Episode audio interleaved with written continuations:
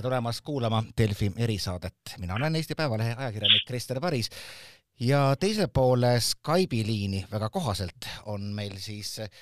E-riigi Akadeemia tegevjuht Hannes Astok ning räägime Eesti e-riigi saavutustest võib-olla jutumärkides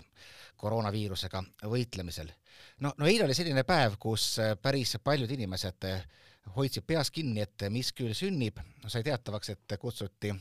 umbes kolmteist tuhat inimest vaktsineerima, seda emaili teel ja võib-olla kolmandik nendest tuli kohale. Ja siis äh, küll tulid äh, riigi poolt umbes etteheited, et miks inimesed pole suunanud oma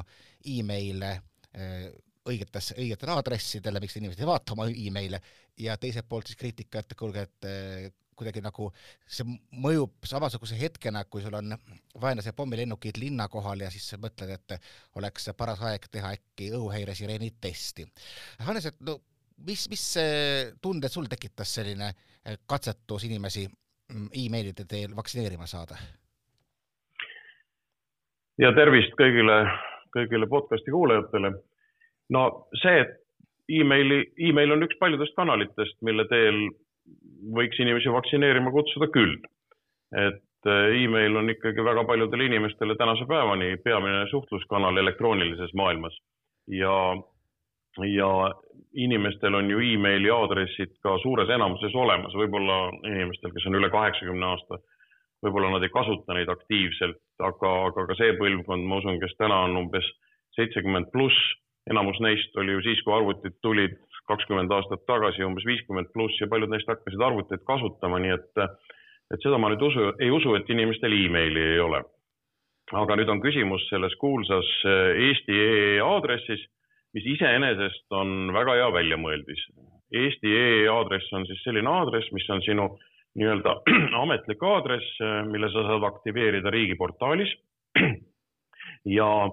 ja selle aadressi mõte on see, et riik saab sulle sinna peale saata ametlikke teavitusi.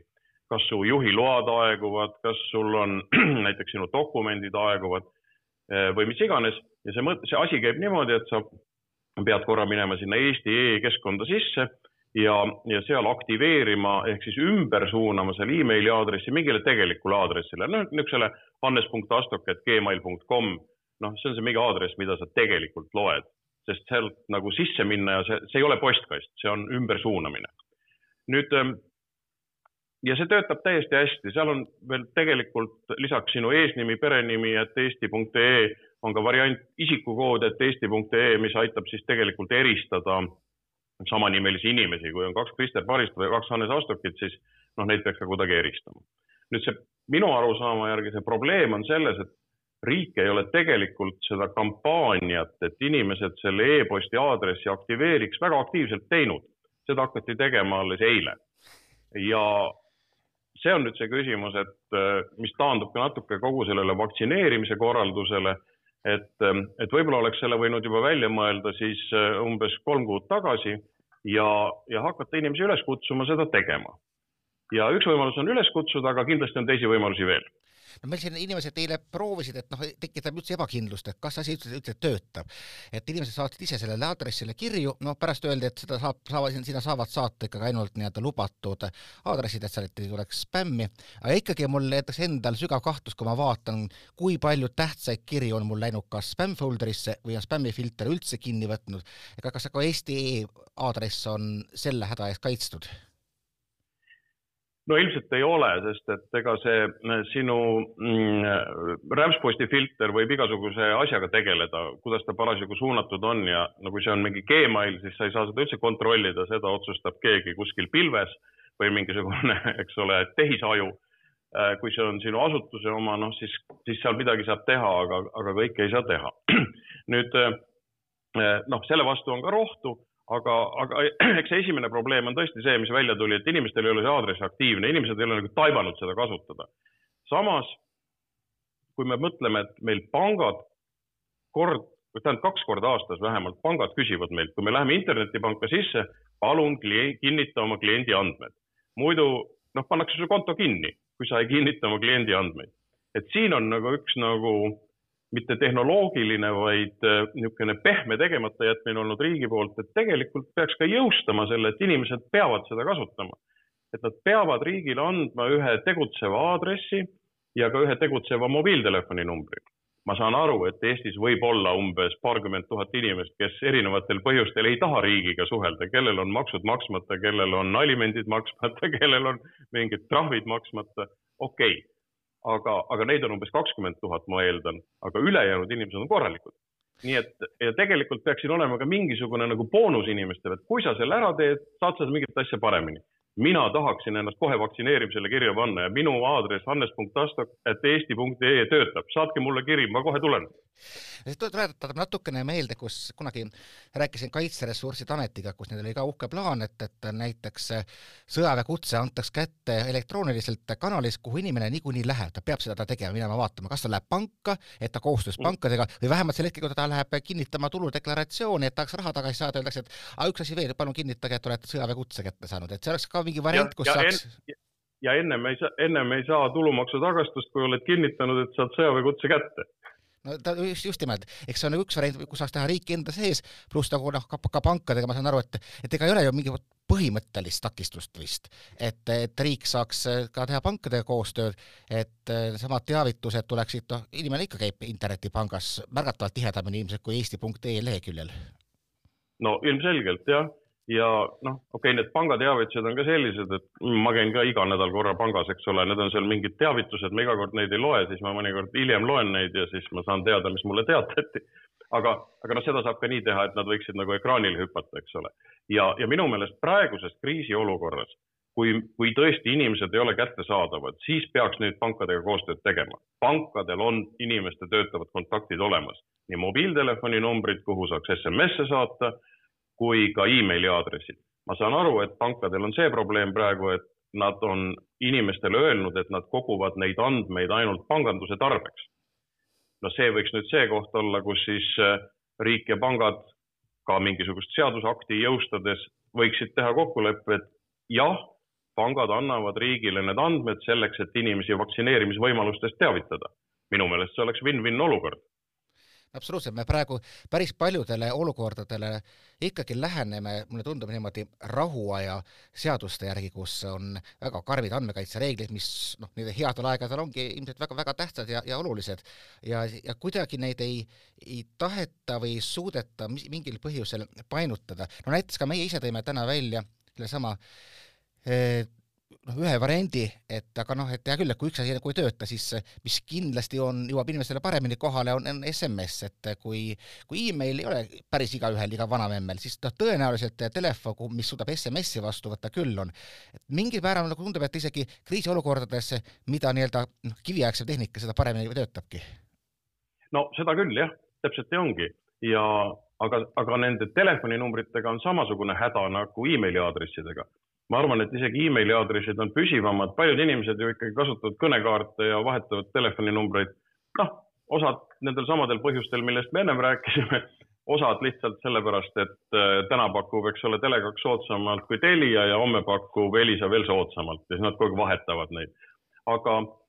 aga siin minu meelest oleks nagu pankadega küll võimalus hea koostööd teha ja, ja samamoodi pangad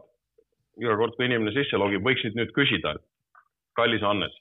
me tahame, kas, kas sa lubad oma andmed edastada Terviseametile selleks, et sulle vaktsineerimisteavitust saata? no ma arvan, et üheksakümmend üheksa protsenti inimestest vajutab äh, jah nuppu, sest ega see, see ei tähenda seda, et sa veel vaktsineerima pead minema, aga inimesed oleksid kättesaadavad. nojah, et võtame, jätame võib-olla kõrvale selle kolmteist protsenti, kes ütlevad, et nad kindlasti ei taha, las nad siis, las nad siis olla. aga noh, kui me nüüd, okei okay,, ütleme, et see noh, katse inimesi kätte saada emailiga võib-olla küll antud juhul luhtus, võib-olla loodetavasti tehti sellest teatud õppetund ja, ja miks mitte, vähemalt, vähemalt midagi prooviti. küll aga, kus ma vaatan, kus Eesti riik on pidevalt ootamatult hädas, on see koht, kuhu võib-olla isegi tavainimene praegu väga midagi ei näe, aga kui me ikkagi mõtleme selle peale, et, et täpselt, et tahaks kellelegi öelda, et, et mina olen valmis saama vaktsiini igal juhul, et kas või see, et pange mind mingisse järjekorda, kui keegi jääb tulemata, siis saatke mulle kohe kõne, sõnum, mis iganes ja ma olen umbes tunni pärast kohal. aga selliseid ühtseid registratuure üldse ei ole, et umbes äh, nii palju, kui on kuulda, siis pannakse käsi, käsitsi veel kokku Exceli tabeleid ja et mm, kui sa nagu vaatad nii-öelda E-riigi akadeemia juhi seisukohast, et kui keerulised need protsessid siis on, et näiteks noh, nüüd täitub kohe aasta esimesest, esimese era, eriolukorra väljakuulutamisest, et, et aasta on, tundub, et liiga lühikeseks jäänud, kas on see nagu, nagu realistlik ongi selliste projektide puhul? no siin on ilmselt tegemist ikka nagu inimliku saamatusega, sest et noh, siin ei ole takistuseks tehnoloogia, siin on takistuseks noh, niisugune organisatsiooniline ja inimlik saamatus. ma ei taha kellegi peale näpuga näidata, sest ma ei tea täpselt, kes mille eest vastutab, aga aga noh, mingisugused vastutused, nagu me ka selle Hoia äpi puhul näeme, on lihtsalt kuskil ametkondade ja inimeste vahele maha kukkunud ja see ei ole väga mõistlik.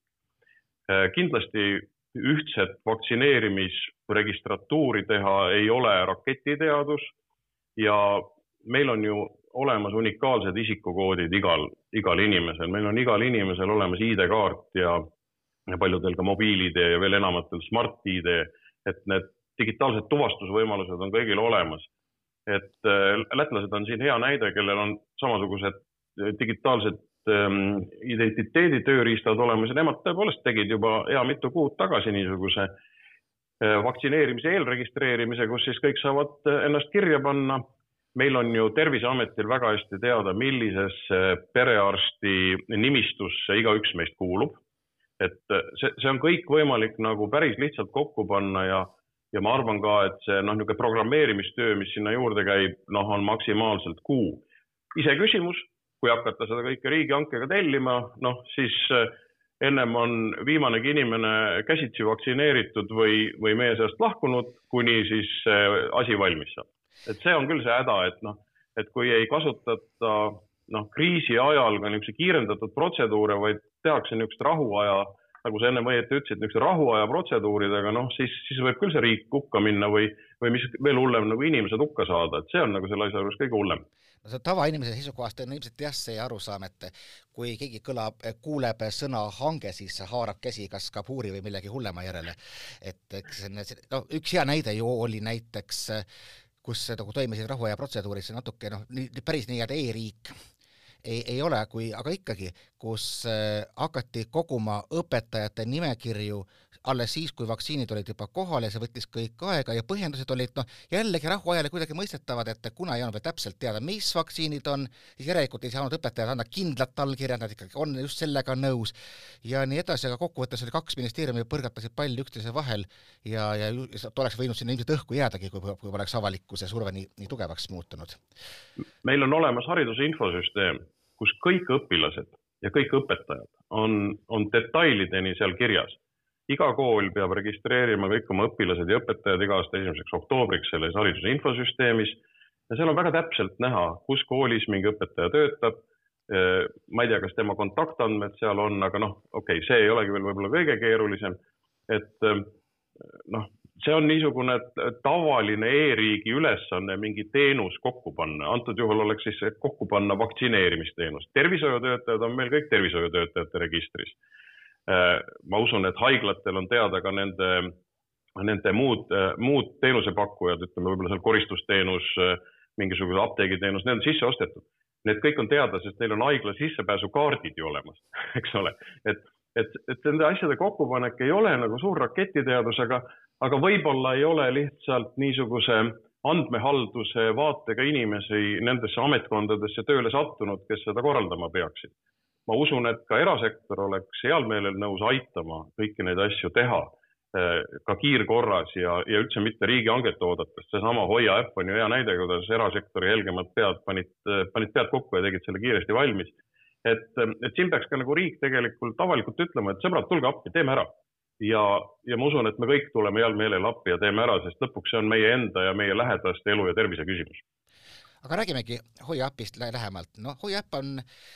nüüd istub juba üle kahesaja tuhande inimesel kas just telefonis, aga vähemalt korra, korra alla laetud. haiguste märkimine on võib-olla kümnendik nendest, kes on ametlikult nakatunud, on ennast sinna sinna kirja pannud, noh, minul ei ole ta veel kuidagi muud märguanded andnud, kui enamasti teatab kuidagi, et ta ei saa nõuete kohaselt töötada ja tuletab meelde, et ta on mul telefonis kuidagi olemas, ehk siis eh, noh, võime jah lugeda, et, et äpp tehti valmis just nagu ütlesid, et enam-vähem nii-öelda kingitusena riigile, no ja siis pärast tulid jällegi hanked selle täiustamiseks, hange vaidlustati, et see saab ilmselt valmis siis, kui kui on meil juba mingisugune hoopis, hoopis muu viirus, aga ka et kõigepealt, et miks peaks seda üldse täiustama, et noh, põhimõtteliselt ju oma ülesandeid vist ikka täidab, et kui ikka inimesed paneksid ennast kirja, oleks, oleks piisavalt palju, kes on selle alla laadinud, võiks ta, ta olla päris selline tõhus ja toimiv tööriist. no võiks olla jah, vähemalt selline on hüpotees. ega me ju, ega me ju täpselt ka ei tea, sellepärast et kui meid kuulavad siin võib-olla natuke ka tehnoloogiahuvilisemaad inimesed, siis ma saan aru, et, et see töötab Bluetoothi tehnoloogial ja, ja, ja ta peaks siis nagu ära märkama, et kui ta teise Bluetoothiga töötavast, töötava telefoniga, kus on ka see Hoia äpp sees, on olnud lähestikku mingisuguse aja, et siis ta nagu jätab selle meelde ja siis annab hoiatuse. noh, eks selle Bluetoothi tehnoloogiaga on ka siin natuke hädasid, siin paar aastat tagasi, kui me mäletame äh,, teepileti mehed hoolega üritasid Bluetooth piletit rakendada ja tegid Tartus ka üsna laiamastaabilisi katsetusi ja ja sai selgeks, et eeskätt Android telefonide see Bluetooth protokoll ja neid nüansse on nii palju, et see lõpuks ei hakanudki tööle ja nad ütlesid, et see tuleb ilmselt tulevikku lükata. aga, aga sellest ei maksa ennast heidutada lasta, see on alati nagu kriisi ajal tulebki katsetada, proovida, sest nagu me teame, ka näiteks kirurgia on alati sõdade ajal edenenud, sellepärast et siis on olnud võimalik pärast lahingut inimesi lõigata ja seal ei ole vaja olnud nagu pikalt andmekaitsega vaielda, kas me lõikame nii või naa, vaid me katsetame ja proovime ja ehk meil õnnestub elu päästa, et alati on siis nagu innovatsioon toiminud näiteks niisugustes eluvaldkondades. aga see Hoia äpp iseenesest noh, see, see probleem oli ju selles, nii palju kui mina sellest aru saanud olen, et pärast seda, kui see kingitus vastu võeti, ei tegelenud sellega enam keegi. Ehk siis äh, kingitus oli üle antud, kokkulepe oli, et riik hakkab edasist äh, hooldust ja arendust äh, mingis mõistlikus mahus finantseerima sellega ei saadud hakkama ja, ja, ja loomulikult, eks ole, tehnoloogia areneb, probleemid süvenevad ja, ja seal ilmselt, mida putitada on, on palju. aga, aga mis on tegelikult nagu olulisem, et kui meil on üle kahesaja tuhande inimese selle äpi alla laadinud, siis minu meelest võiks sellest saada, seal võiks uusi funktsionaalsusi juurde tulla. seal võiks tulla näiteks seesama vaktsineerimistaotlus võiks olla, et kui ma olen selle äpi juba alla laadinud, siis ma võiksin sealt sinna võiks tekkida funktsionaalsus, kus ma vajutan ükskord nupule ütlen, et mina tahan vaktsineerida ma saan aru, sa saad aru, et selle äpi üks selliseid põhikriteeriume tema väljatöötamisel oli noh, täielik anonüümsus, ehk siis et riigil puudub vähimgi ettekujutus, eh, kes selle alla laadinud või ja, ja ennekõike, et kes, kes on ennast või kes on kokku puutunud siis, siis haigega, et, et nagu äh, vähendada inimeste hirmusid. et neid äppe ju tegelikult tehti tol ajal kevadel päris paljudes riikides. Ja just see privaatsusküsimus oli äh, oli üks olulisemaid ja Eesti siis leidis sellise lahenduse, mis on, on täiesti, täiesti niimoodi äh, riik ja inimene on nagu lahus, et, et vähendada hirmusid, et aga et need, kõik need lisafunktsioonid hakkaksid seda, seda muidugi õnnestama kohe. No hakkaksid või ei hakka, oleneb, kuidas see lahendatud on, eks ole. aga teistpidi, no me näeme, et täna on ka haigestumine ja, ja kõik on nii suur, et ega sellest nagu sellest Hoia äpist nüüd enam, noh, oleme ausad, et ega sellest nüüd väga palju kasu enam ei ole, et ilmselt ka inimesed väga ei märgi sinna ennast ilmselt seal on võib-olla mingisuguseid tehnoloogilisi puudujääke, mida tuleks edasi arendada, et ta noh, normaalselt töötaks. tänases seisus on meil tegelikult vaja kahte asja lahendada. A, et inimesed saaks öelda, et jah, ma tahan vaktsineerida ja, ja selle saaks seal ju ära lahendada. inimesed on selle äpi allalaadimisel ennast tuvastanud, nii et tegelikult on teada, kes see on ja seda saab väga nagu privaatse sõnumiga teha, et lihtsalt isikukoodiga kolm, kuus, neli, null, üheksa, blä-blä-blä, Anne Sastok, eks ole, saadab teate, et ma tahan vaktsineerida sinna tuleks lihtsalt tekkis üks nupp ja öeldakse ja siis sinna tekib teade, et jah, me oleme su pannud kirja, et me teame, et sa tahad vaktsineerida. ja teine, sellest võiks saada ka vaktsineerimispass, sellepärast et meeldib see meile või ei meeldi, globaalselt on väga erinevaid diskussioone, aga need inimesed, kes siis ühel päeval on vaktsineeritud, neil tekivad mingisugused privileegid. Nad saavad lihtsamini reisida, neid lastakse lihtsamini lennukisse, neid lastakse teistesse riikidesse sisse ja ilmselt nagu me Iisraeli näitel näeme, need, kellel on siis roheline äh, mingisugune pass või silt, need siis võivad külastada kontserte, restorani, spordivõistlusi ja nii edasi, nii et, et selles mõttes see võib meile meeldida või mitte meeldida ja me võime seda Eestis kehtestada või mitte, aga teistes riikides see hakkab toimima. ma ei arva, et kõik inimesed kohe nüüd Iisraeli sõidavad, et restorani külastada, aga aga, aga mingisugused eh, eelised nendele inimestele, kes on vaktsineeritud, tulevad. ja teine võimalus võiks ka olla see, et kui ma olen näiteks Covidi läbi põdenud ja mul on antikehade test tehtud, nagu siinkõneleja räägib, siis eh, noh, siis, siis samamoodi võiks, võiks mulle nagu mingisuguseid leevendusi teha. nüüd lõpuks see riiki sisenemine tehti ära kuu aega tagasi, see oli samamoodi, ma olin selle Covidi läbi põdenud, aga riiki sisenedes ma pidin ikka, eks ole, tegema selle PCR testi ja, ja istuma kodus, kuigi noh, sellest kõigest ei olnud nagu, seal nagu sisuline mõte puudus. aga noh, nüüd see on ära lahendatud. Nii et, et siin nagu arenguruumi on küll ja, ja tehnoloogia ei ole siin takistuseks, tehnoloogiat me või, peaksime võtma siin kui võimaldajat, mitte kui takistajat. Nojah, ja küllap see muudaks selle äpi ka, ka oluliselt populaarsemaks, sest ma mäletan just see ilmselt oligi see põhjus, et keegi ei osanud sellega midagi peale hakata, et ka tolle, kui neid äppi, äppe välja töötati, siis no üle maailma ikka öeldi, et standard on see, et, et ta nagu on tõhus siis, kui no vähemalt kuuskümmend, soovitavalt seitsekümmend protsenti inimestest kasutab, umbes natuke sama lävendil nagu, nagu on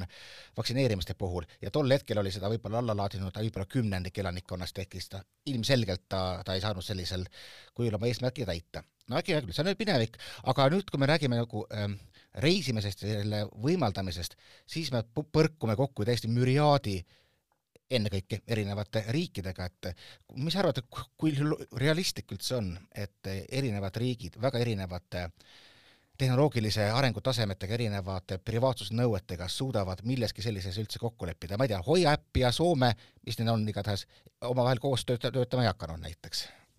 ei hakanud, ei tööta ka Läti äppidega, meil mingit koostööd ei ole. no elu on näidanud ühte huvitavat asja, et, et ma ei tea, kas raadiokuulajad teavad, aga kes on see organisatsioon, kes on kehtestanud lõpuks ühtsed nõuded reisidokumentidele ehk passidele ja, ja ID-kaartidele, kas sa tead? ma kujutaks ette, et see on mingi äh, Schengeni ruumi eest vastutav amet Brüsselis, aga ei ole, ei ole, see on rahvusvaheline lennundusorganisatsioon ICAO, kes on kehtestanud dokumentide standardid ja, ja selle, see, see põhjus, miks see kehtestati juba nüüd aastakümneid tagasi, oli see, et et erinevad lennufirmad ei teadnud, millise dokumendiga ja mis standardile vastava dokumendiga inimesi võiks lennukisse lasta, et nad siis pärast ka selles sihtriigis maale lastakse, et lennukompaniid ei peaks neid tasuta tagasi tooma, kui neid maale ei lasta, nagu reegel on. nii et, et ka mina näen ja, ja kui lugeda ka siin rahvusvahelist meediat, siis tegelikult täna ICAO ja teine on siis rahvusvaheline reisikorraldusorganisatsioon IATA on need, kes tegelikult on väga jõuliselt võtnud selle positsiooni, et nemad üritavad seda standardiseerida me teame, et ka Eesti tegeleb hoolega Rahvusvahelise Tervishoiuorganisatsiooni WHO-ga, mis ei ole ka vale lähenemine. aga, aga mulle nagu sisemine hääl ütleb, et see standard tuleb pigem nagu lennundusest ja turismist, sest neil põleb kõige rohkem. Nendel sõna otseses mõttes raha põleb iga päev. noh, riikidel on ikka nii, et noh, kui täna ei jõudnud, teeme homme, võib-olla siis teeme ülehomme ja noh, siin arutame veel ja meil siin on seda ja toda,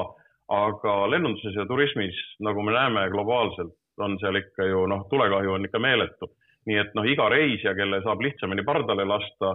eh, kellel on mingisugune standardne dokument, kas on elektrooniline või paberil, eh, see, see on nagu nendele võiduks. aga nüüd, millal see juhtub? Eh, noh, nad ise on öelnud, et tavaliselt on üks tavaline standardiseerimisprotsess on võtnud aega umbes kümme aastat. noh, ütleme kriisi puhul, no läheb kaks äkki et ma nagu, ma olen, ma olen nagu selles mõttes optimist, et läheb kaks, mitte kümme aga ma ei ole optimist, et see juhtub homme. ja seni kanname kõik kaasas siis tervet vihikutäit erinevaid sertifikaate, ma olen siin olnud Covidi ajal sunnitud tööasjus paar korda reisima. no mul on ikka, ikka mingi seitse paberit igaks juhuks kaasas, sest kunagi ei tea, mis piiri peal või mis lennujaamas keegi midagi küsib, aga mul on alati ilus tembeldatud paber vastuseks olemas ja võin ka koopia neile jätta nii et eh, mingi unistus on ka see, et ütleme noh, kui, kui ikkagi kuskil kehtivad veel sellised eh, sisenemispiirangud, noh nagu näiteks, näiteks kasvõi Lätis, siis eh, kui praegu tuleb masti kaudu sulle teade, et sa oled Lätis, et nüüd pead vastama nendele ja nendele tingimustele, siis võiks olla ka teistpidi, et, et masti kaudu saadakse aru, et aga tegelikult see inimene võib vabalt ringi liikuda noh, see nüüd on jälle niisugune, et ma kardan, et see nagu privaatsusega seoses äh, läheb, läheb nagu väga keeruliseks, sest siis me peaksime ka mobiilioperaatorile väga paljud asjad ära andma, et see tehniliselt jällegi, ma arvan, et see tehniliselt on kõik võimalik, aga ma ei ole nagu väga veendunud, et ma, ma tahaksin oma mobiilioperaatori kaudu anda suvalisele riigile, mille piiri lähedal ma olen, ma muide ei pruugi näiteks Läti operaatori võrku, kui ma näiteks Valgas olen, sattumiseks ma ei pea piiri ületama, seal on küll antennid nii seatud, et üldiselt ei satu, aga võid sattuda või siis noh, kui ma olen kuskil Peipsi ääres, siis ma mõnikord näen, et mu telefon on Vene võrgus, nii et ma ei ole nagu väga veendunud, et ma seda kõike tahan. No just nimelt, et sellega ma tahakski tegelikult eh, lõpetada, et no me praegu vaatame seda diskussiooni, siis jah, see tehniline pool on üks ja teine, no korduvalt meil siin läbi käinud sellest vestlusest on ikkagi nii-öelda andmekaitse, privaatsus, ka nende vaktsineerimispasside juures, no seal on veel eetilisi küsimusi, alates sellest, et mis hetkest anda privileege ühtedele, kui samas ei ole võimalik kõiki inimesi vaktsineerida, aga see on natuke, natuke teine teema. aga ikkagi mm. Prantsusmaa ja, ja Belgia näiteks on, ma saan aru, suhteliselt venitavad jalgu, et loomulikult turismipiirkonnad nagu Horvaatia ja Kreeka tahaksid võimalikult kiiresti mis iganes lahendust neile sinna äh, turiste tooks, et äh, mis sa arvad, kas me jällegi näeme ikkagi mingit asja, mis lõpuks takerdub kuskile Euroopa jällegi vast-, vastandlikesse huvidesse ja tuleb välja noh, midagi, mis noh, kuidagi nagu töötab ja tegelikult ei tööta ka ja lõpuks on see pandeemia lihtsalt selja taga juba selleks ajaks? nojah, see on üks nagu tõenäoline stsenaarium, eks ole sest et leida nagu harmooniat kahekümne seitsme riigi lähenemistes ja suhtumistes on suhteliselt suur väljakutse, nagu me teame. aga aga, aga paljud asjad võivad olla võimalikud ja, ja siin võib-olla üks võlusõna, millest me ei ole rääkinud ja see on hoopis teise saate teema, on Euroopa ühtne digitaalne identiteet, millise algatusega teadaolevalt Euroopa Komisjon peaks lähiaegadel välja tulema ja võib-olla selle kaudu õnnestub paljud asjad ära lahendada, kui on ühtne digitaal, digitaalne identiteet tehtud see on ilmselt toimub läbi kuidagi olemasolevate digitaalsete identiteetide sidumise. Nii et, et selles mõttes tegelikult see tulevik ei ole ju, ju väga morn. Ja, ja pigem me pea, praegu peaksime võib-olla mitte nii palju mõtlema sellele, et kuidas me nüüd, et kas me nüüd Sambiasse reisides, kas me saame mobiilist näidata ette vaktsineerimissertifikaati või, või midagi muud, vaid et pigem mõtlema sellele, et kuidas ikkagi need oma kodus need asjad korda teha, millest me ka alustasime, et teeme selle vaktsineerimisteavituse lihtsaks, paneme, teeme, loome kiire võimaluse, kus inimesed saaksid kirja panna, et nad on, tahavad vaktsineeritud saada ja nad on esimesel võimalusel valmis, valmis kohale tulema ja nii edasi ja nii edasi. see ei ole keeruline, see ei ole nii palju tehniline ülesanne, kuivõrd organisatoorne regulatiivne ja niisugune muutuste juhtimise ülesanne ja minu meelest meil on valitsuses ka igas, igasuguseid toredaid inimesi nii poliitikute tasemel kui, kui igasuguste organisatsioonide eesotsas, kes saaksid sellega hakkama, kui neile antaks volitus ja, ja tahe seda teha ja, ja kuskilt peaks olema muidugi nagu poliitiline surve, et need asjad peavad olema tehtud. see ei saa olla nii, et et, et nagu me praegu näeme, et Sotsiaalministeerium ja Terviseamet põrgatavad palli, kes mille eest vastutav on. no kuulge istuge mehed maha või naised, vabandust, teil oli naistepäev just, istuge mehed-naised maha, leppige kokku ja hakake tööle. no põhimõtteliselt oleks vaja, nii nagu me ka siin oma lehes ühes juhtkirjas väljendasime, no vaktsineerimiste puhul sellist nii-öelda ütleme, vaktsineerimistsaari, sellist ühtset koordinaatorit, et miks mitte ka siis ka digilahenduste puhul, keegi, kellel oleks voli ministeeriumitel pead mitte kokku lüüa, vaid kokku tuua ja, ja siis tööle panna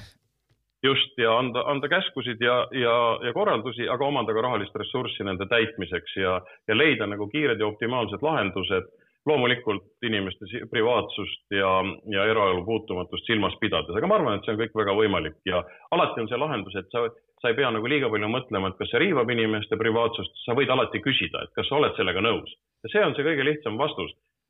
ka näiteks panga kaudu, mina olen nõus, pank võib anda minu andmed, et minu vaktsineerimise info minule jõuaks. selleks puhuks ma annan kohe oma nõusoleku ja ma arvan, väga paljud kaasmaalased teeksid seda ka. aitäh E-riigi Akadeemia tegevjuhile Hannes Astokile, mina olen Eesti Päevalehe ajakirjanik Krister Paris, jälle kuulmiseni järgmistes erisaadetes.